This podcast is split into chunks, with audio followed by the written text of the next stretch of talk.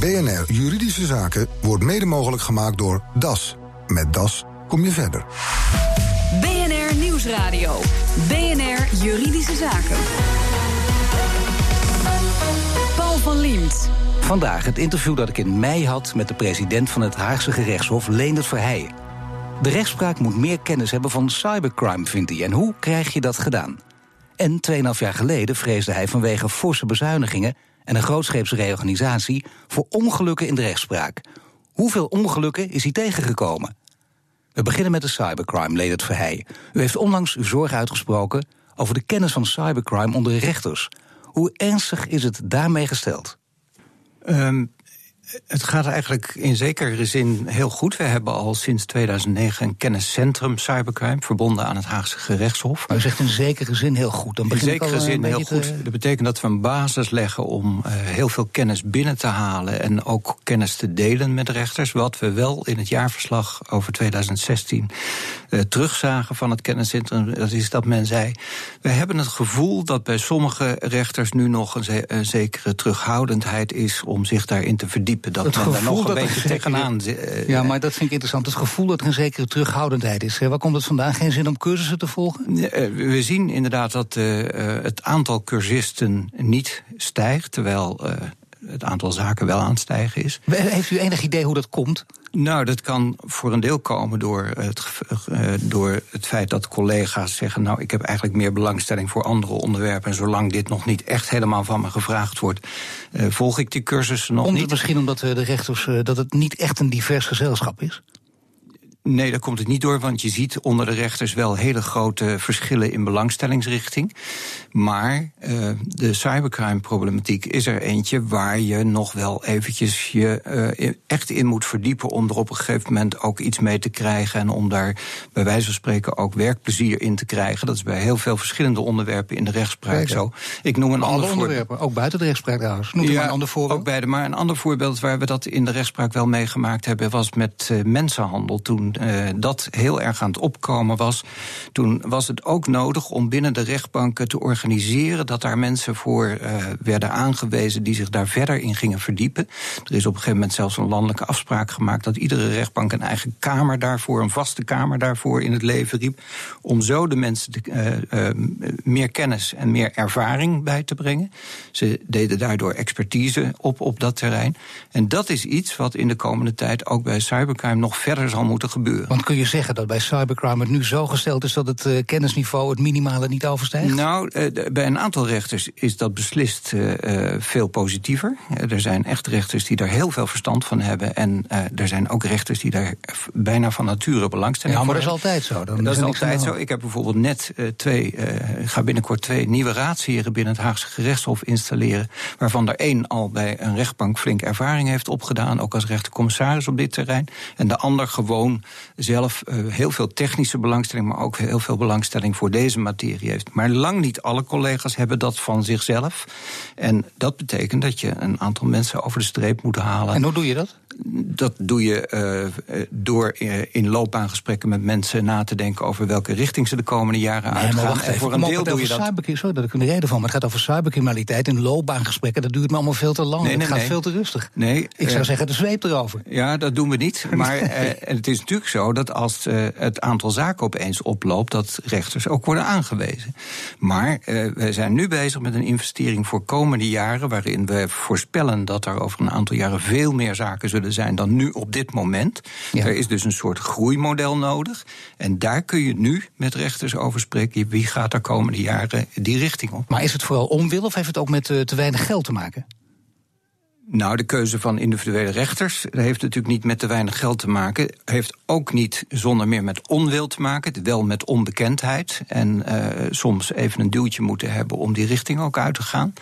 Natuurlijk is het zo dat uh, naast cybercrime staat er nog een heel aantal, een heel, uh, aantal grote onderwerpen op de lijst voor de komende jaren. Ik denk bijvoorbeeld aan het verschijnsel ondermijning.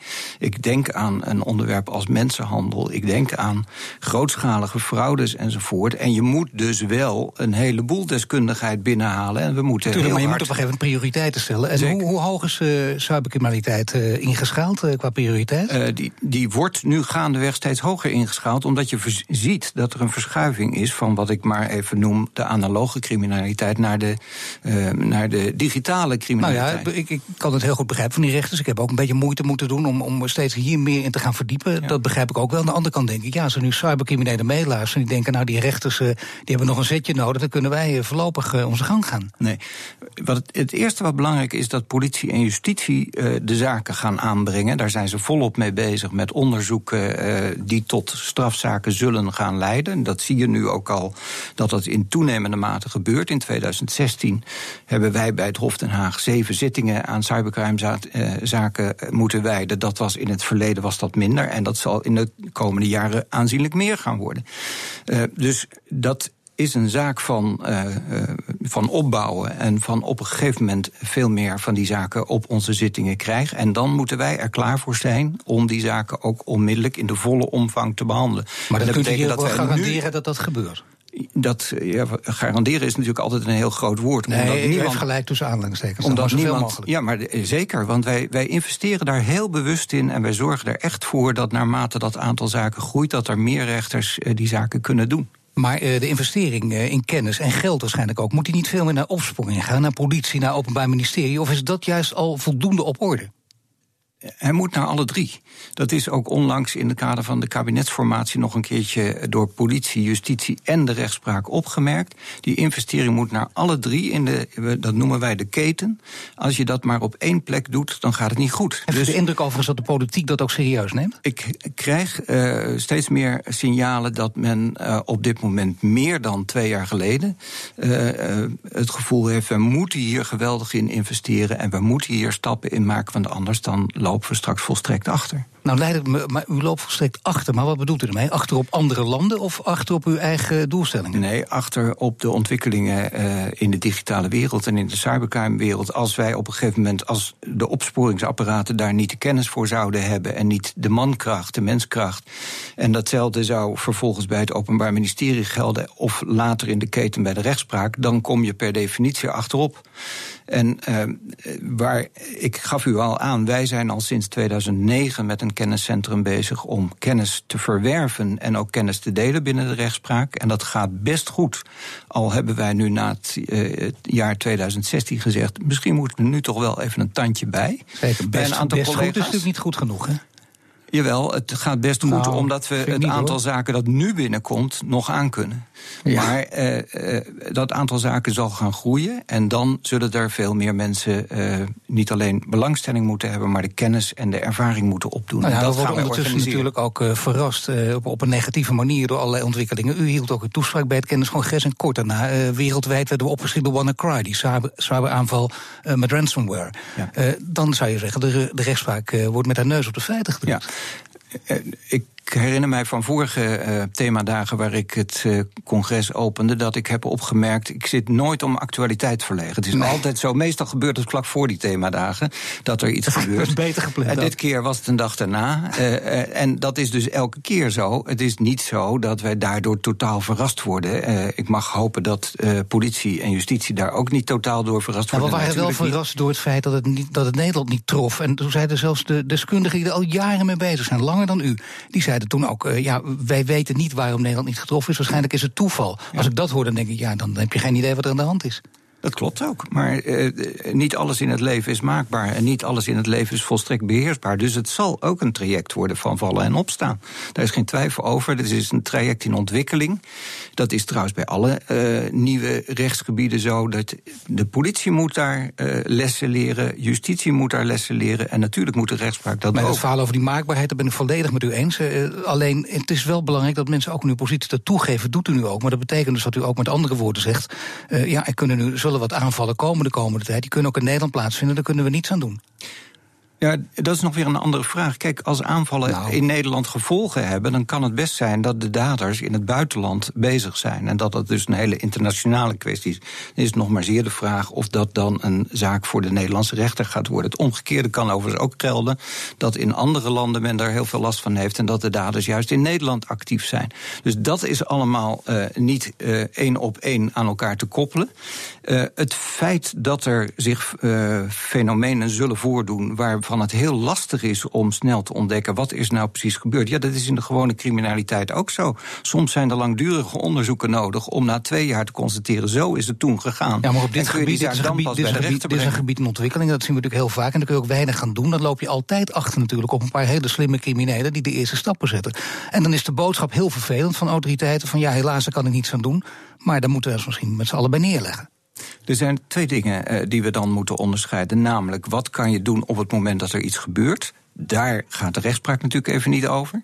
Daar zijn wij niet mee bezig. Wat kan je doen om achteraf te constateren wat is er nou precies gebeurd en wat betekent dat voor de berechting van mensen.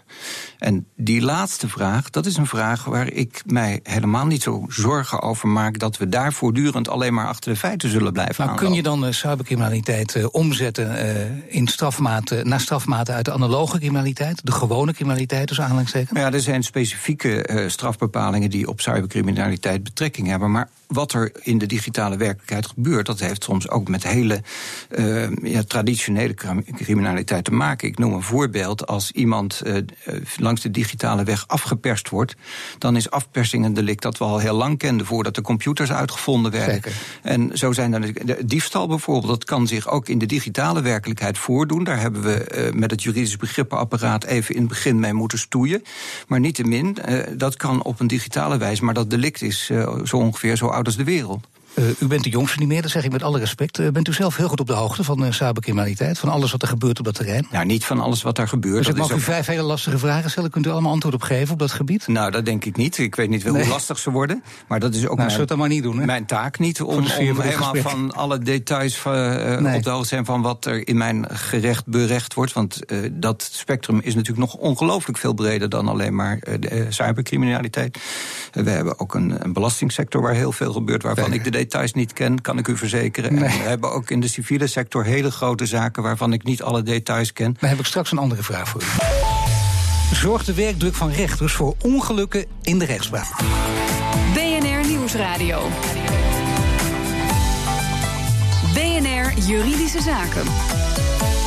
Ruim twee jaar geleden was Leonard Verheij, president van het Haagse Rechtshof, uitgesproken over de gevolgen van de werkdruk en de grootscheepse reorganisatie die wordt doorgevoerd in de rechtspraak. Te veel zaken moeten te snel worden afgehandeld. En dat betekent vroeg of laat ongelukken. Verhey toen. Ja, dat risico is dan heel groot. Want de individuele rechter staat voor het dilemma ofwel proberen die zaak dan toch maar in een zekere snelheid door te zetten. Ofwel te zeggen, nu gaat het echt niet meer en dan gaan die zaken de plank op. En dat zijn ook ongelukken. Dan gaan we naar eh, de heer Verheij nu, want sindsdien werd een deel van de bezuinigingen teruggedraaid. Betekent het dat u nu ook minder bezorgd bent dan een paar jaar geleden? Ja, dat ben ik wel. Alleen moet ik er wel bij zeggen dat het vrij lang heeft geduurd voordat uh, dat licht aan het eind van de tunnel kwam. Pas vorig jaar hebben we uh, eigenlijk min of meer te horen gekregen dat die bezuinigingen zoals die voorspeld werden niet in de volle omvang uh, op ons af zullen komen. Dus is er dus een kentering gekomen. En dan moet ik er even bij zeggen, in die periode waarin wij steeds werden geconfronteerd met bezuinigingen en aankondigingen van bezuinigingen, was er een neiging bij de gerechten om niet heel erg te investeren in het werven en selecteren van nieuwe rechters. Dat moeten we dus nu alsnog doen. En dat kost tijd. Dus het gaat nog even duren voordat we echt de vruchten hiervan gaan plukken. Dus geld is niet... in, in, de tussentijd blijven er veel zaken op de plank liggen? Nou, in die tussentijd is het eh, in ieder geval niet zo dat we heel makkelijk onze achterstanden, voor zover die er zijn, en dat is per deelgebied heel verschillend, uh, kunnen inlopen. Er is iets anders. We hebben een ontwikkeling binnen de rechtspraak rond professionele standaarden. En die, uh, die zijn nu in verschillende deelgebieden zijn die geformuleerd. Die zijn er onder andere op gericht om met elkaar af te spreken. Wat beschouwen wij als aanvaardbare kwaliteit? En wat is daarin de standaard? En uh, bijvoorbeeld in het strafrecht heeft dat tot gevolg dat er meer mensen voor dezelfde aantallen zaken nodig zijn om die kwaliteit te kunnen leveren. En daarnaast hoopt u ook dus dat er geen ongelukken gebeuren. Daarnaast Daar waarschuwt u ook voor. U lijkt mij een openhartige man. Kunt u zeggen of er een ongeluk is gebeurd in de tussentijd? Nee, ik kan me er geen herinneren in de zin dat er bijvoorbeeld een enorme kunstfout is gemaakt. En welke ik zin dan wel? Ik heb de vorige keer wel gezegd, uh, in de uh, vensterbank moeten leggen van zaken is ook een ongeluk in feite.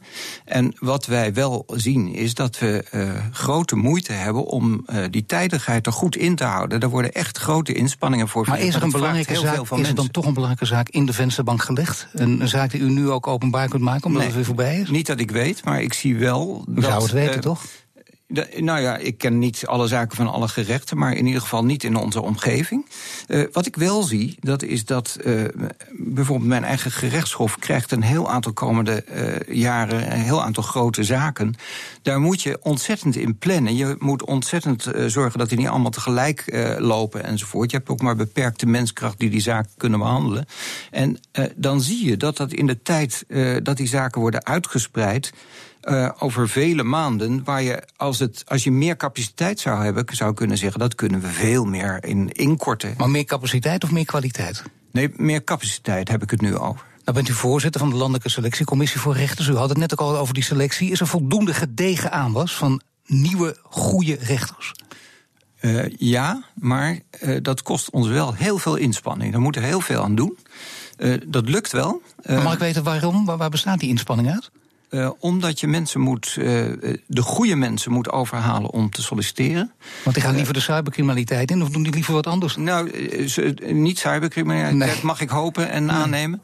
Maar uh, inderdaad, wij moeten natuurlijk concurreren met bijvoorbeeld de advocatuur en met allerlei andere functies. Ja, is populariteit van, van, de, van de rechten om rechter worden, is dat afgenomen? Die is niet afgenomen. Ik denk zelfs dat ik uh, aan de laatste ontwikkelingen rond de selectie zie dat het eigenlijk uh, behoorlijk uh, goed gaat. Maar als je mensen geselecteerd hebt, uh, ik, ik, zal er nog eens bij zeggen, waar het niet zo makkelijk gaat, is in de uh, provincies in het noorden van het land en in het zuiden van het land. En hoe komt dat? Omdat mensen kennelijk heel graag in de randstad willen werken, zeg ik maar even heel uh, triviaal. Ja, dus als dat, je crimineel bent, dan kun je je slag slaan in Brabant en in Groningen. Nou ja, daar zijn altijd nog weer oplossingen voor te vinden om dan zaken te laten doen door rechters uit andere gerechten. Die nou, maar is het echt zo? En nou, dat vind ik nogal wat. Is het zo ernstig dat dat moet? Dat je dan gewoon iemand vanuit de, de verre randstad over Brabant moet laten regeren in zekere zin? Dat is op dit moment nog niet heel veel gebeurd. Het komt incidenteel wel eens voor, maar dat is nog niet heel veel gebeurd.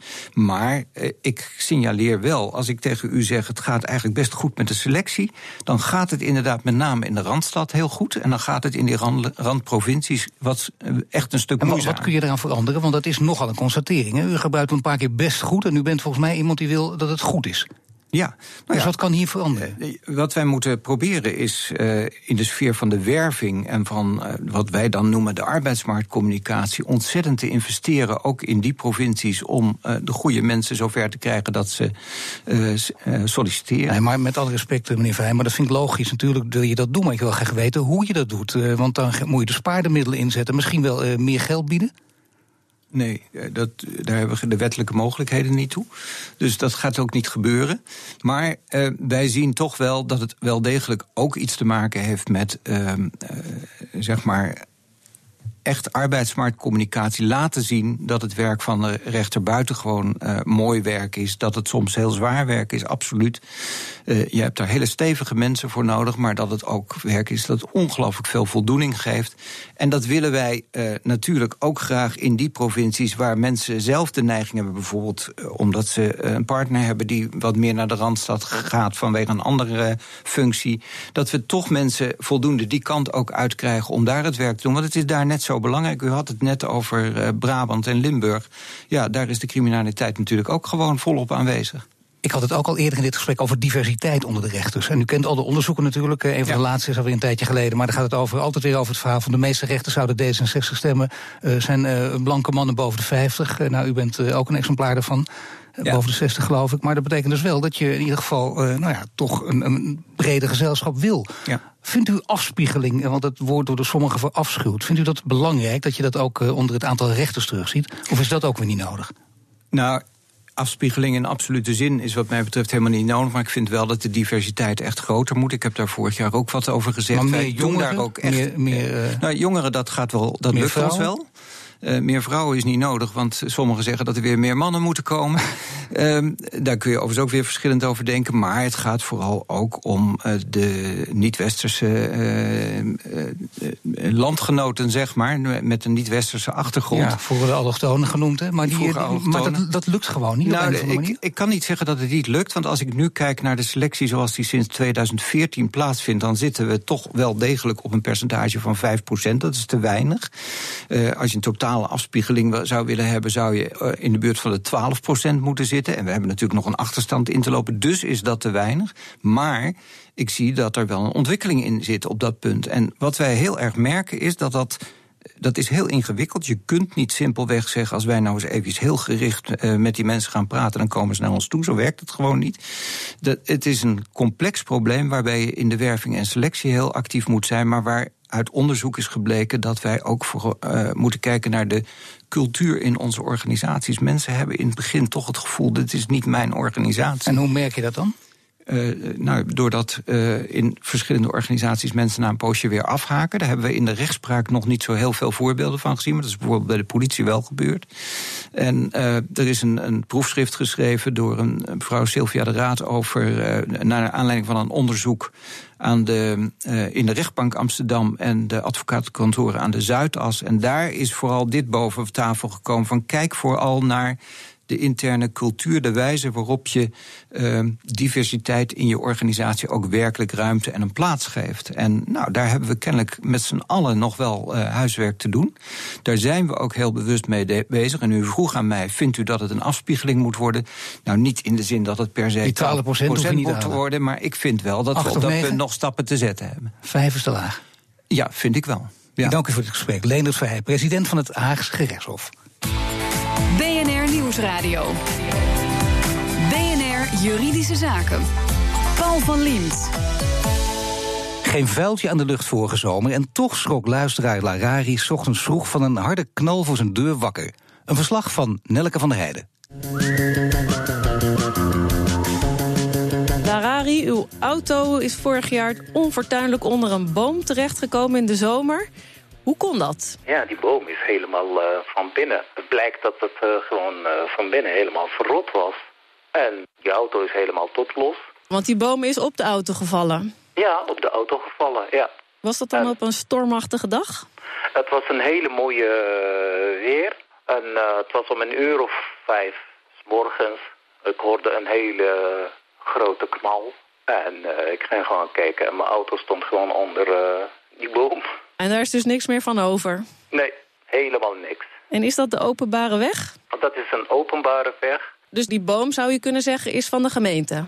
Ja, dat is ook van de gemeente. Heeft u bij de gemeente aangeklopt van nou, mijn auto is totaal wat gaan we doen? Ja, heb ik gedaan. En volgens de gemeente ze hebben een jaar daarvoor, dus in 2015, hebben ze alles met een expert van, van bomen helemaal uh, nagekeken. En het blijkt dat het, tenminste, ze zeggen dat het, het rapport was gewoon goed. De bomen waren gewoon gezond en uh, goed. Maar nu blijkt hij helemaal verrot te zijn van binnen. Ja, ik weet niet hoe hebben ze die, expert, uh, die expertise gedaan.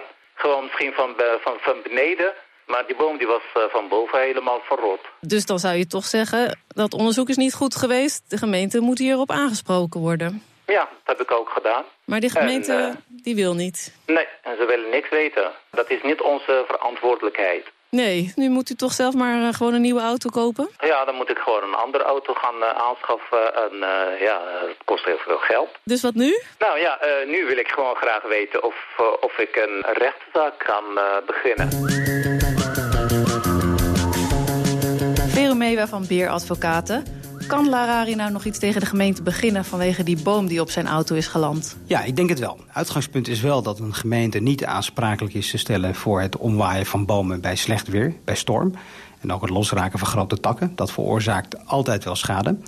Maar in dit geval was er geen storm. Ik heb begrepen dat het mooi weer was en dat de boom is omgevallen vanwege een rotting. De boom was verrot. En ik begreep ook dat er, voordat dit plaatsvond... er een onderzoek is geweest vanuit de gemeente... waaruit zou blijken dat de bomen in goede staat waren... en dat er geen valgevaar was. Nou, met dit soort specifieke omstandigheden zou dat onderzoek... waaruit zou blijken dat er niks aan de hand was, onderzocht moeten worden. En als blijkt dat dat ondeskundig onderzoek is geweest... en de boom dus daardoor ook heeft kunnen omvallen... of dat er geen maatregelen zijn genomen daartegen... dan zou meneer wel een zaak kunnen hebben tegen de gemeente. En hoe moet u dat dan aanpakken? Nou, er wordt een beroep gedaan door de gemeente op dit rapport. Dus dan moet de gemeente ook wel bereid zijn dit onderzoeksrapport te verstrekken aan hem. Hij kan dat lezen. Als daaruit al heel snel blijkt dat het geen deskundig onderzoek is geweest... of dat ze een aantal bomen hebben overgeslagen, waaronder de bewuste boom... Ja, dan kan hij toch de stelling innemen dat het onderzoek niet compleet is geweest. Is het een deskundig onderzoek, dus een technisch onderzoek... dan kan hij dat laten beoordelen door een jurist. Die vervolgens kan beoordelen of dat rapport voldoende informatie verstrekt om de stelling in te nemen dat het onderzoek niet goed is geweest. En dan alsnog de rekening sturen? Ja, dat zou ik zeker doen. Als de gemeente niet in staat is om aan te tonen dat dat onderzoek deskundig is geweest en geen enkele indicatie aanwezig was om geen maatregelen te nemen, ja, dan heeft hij een zaak. En als ze dan nog steeds niet willen betalen? Ja, dan zou ik echt eh, mijn tanden erin eh, vastzetten en een advocaat inschakelen en daarover gaan procederen. Want dan is het gewoon een kwestie van ontkennen dat je iets verkeerd gedaan hebt. Advocaat Veru Mewa in een verslag van Nelleke van der Heijden. Heeft u ook een juridische vraag? Mail hem naar juridischezaken.bnr.nl. Dit was de uitzending voor vandaag. U kunt de show terugluisteren via bnr.nl slash juridische zaken. Mijn naam is Paul van Diemt. Tot de volgende zitting. BNR Juridische Zaken wordt mede mogelijk gemaakt door DAS. Met DAS kom je verder.